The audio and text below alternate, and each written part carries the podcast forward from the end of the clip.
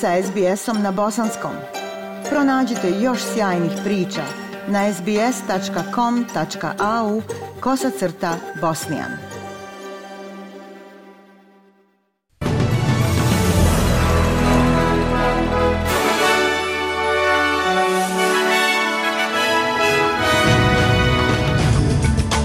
U današnjim vijestima poslušajte. Širom svijeta izrazi saučešća zbog gubitka komičara Berija Hemfrisa. Premijer Albanizi dočekaće novog novozelandskog kolegu u Brisbaneu i u sportu Liverpool pobjedio Nottingham Forest rezultatom 3 naprama 2 u premijer ligi. Slušate vijesti SBS-a na bosanskom. Cijeli svijet izražava tugu zbog gubitka jednog od najvećih australskih komičara, Berija Hemfrisa.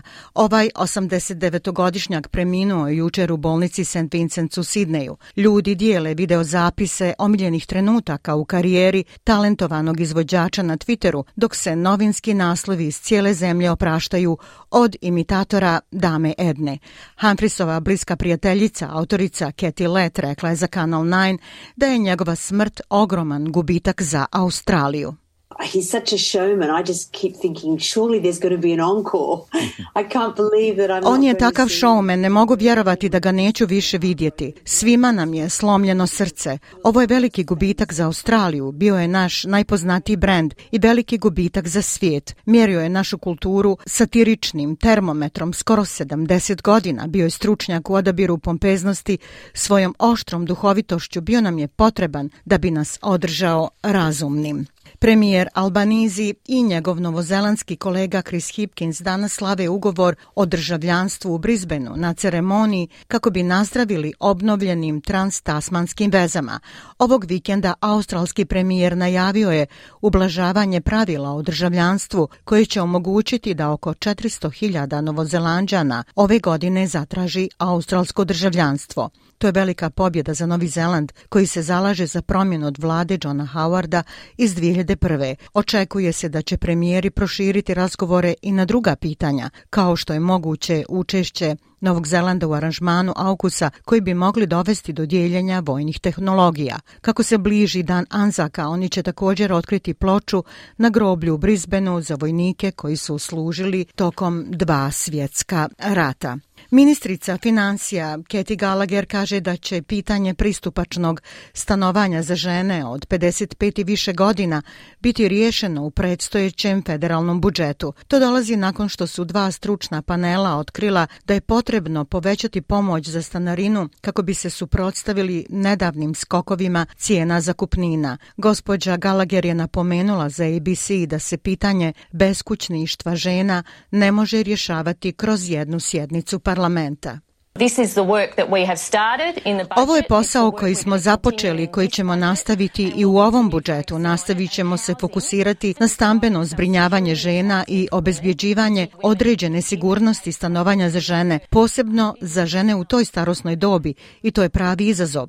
Imamo inicijative kao što je naš fond za budućnost Housing Australia i neke druge mjere na kojima blagajnik radi sa stambenim sporazumom kako bismo vidjeli povećanje socijalnog i pristupačnog stanovanja. Ministrica financija nije komentarisala da li će u majskom budžetu biti povećana pomoć za stanarinu ili za traženje posla.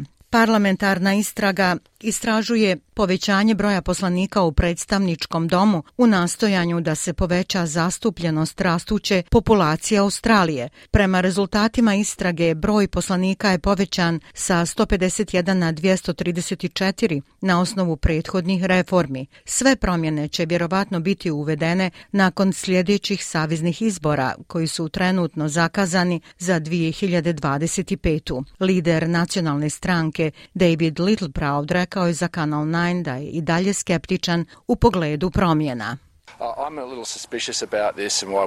Malo sam sumnjičav u vezi ovoga i zašto bismo to trebali učiniti. Države poput Tasmanije, koje dobijaju pet mjesta, ali moraju imati samo oko 75.000 birača i teritorije, zadržali smo dodatno mjesto u sjevernoj teritoriji zbog te veličine, samo u prošloj vladi. Tako da mislim da moramo razumjeti, postoje i jeftiniji načini da se to uradi, ne samo uz prihvatanje tehnologije, već i kadrova. Možda je to drugi način i jeftiniji način, više od političara. Žene koje su nekada služile u vojsci kažu da nedostatak podrške usmjerene na žene, veteranke, znači da ne dobijaju dovoljno pomoći. Obzirom da je stopa samoubistava kod žena u vojnoj službi 127% viša od opšte populacije, podrška i sigurni prostori za njih su ograničeni. Nacionalna koordinatorica mreže veteranki u Australiji, Natalie Senki, rekla je za ABC da postoji veliki broj žena koje se ne osjećaju ugodno da govore o svojim iskustvima u područjima u kojima su pretežno muškarci.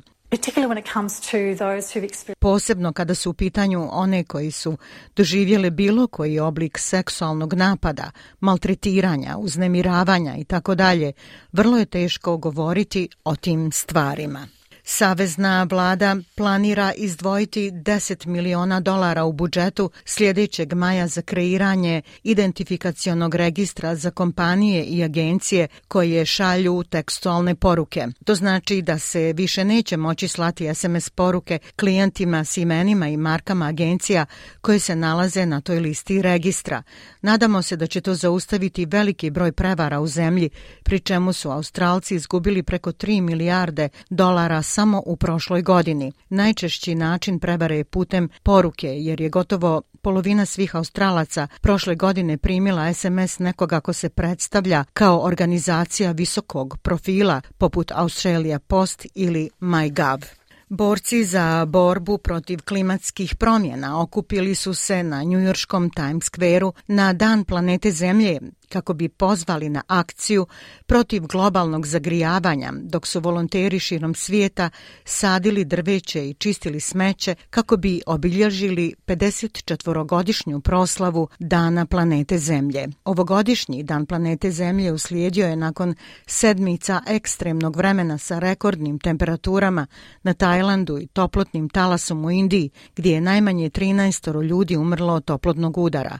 Prosječne globalne temperature mogle bi dostići vrhunske vrijednosti svih vremena ove ili iduće godine, upozorili su klimatski stručnjaci. Umeđu vremenu, umjetnost, reciklaže i pokretne skulpture istakle su dan planete Zemlje u Key Westu, gradiću otoku na Floridi, dok se kinetička skulptura i umjetnička bajk parada umjetnika Papija kotrljala kroz povijesni centar ostrva. Kustos umjetničkog i historijskog društva Key Westa, Cory Convertito, kaže da parada naglašava pravo značenje ovog dana.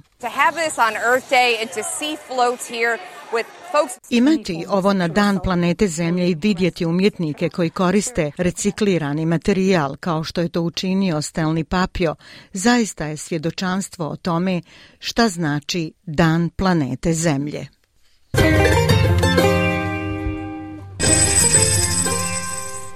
Prema kursnoj listi, australski dolar danas vrijedi 0,67 američkog dolara, 0,60 eura, 0,54 britanske funte te 1,18 bosanske konvertibilne marke.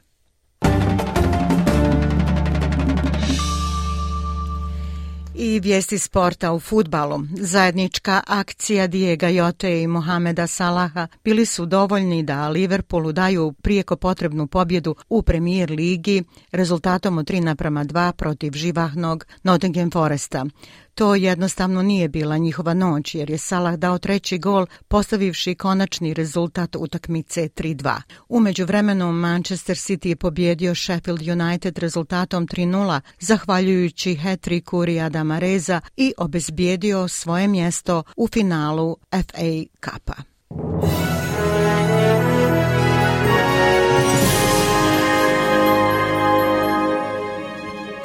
I za kraj vijesti poslušajte temperaturne vrijednosti za veće gradove u Australiji.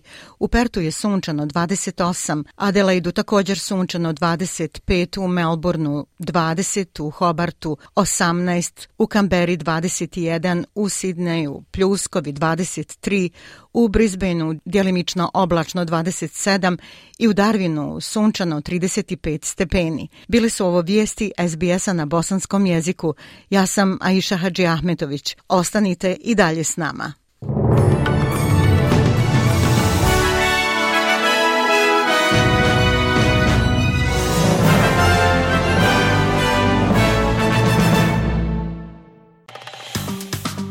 Like, share, comment. Pratite SBS Bosnian na Facebooku.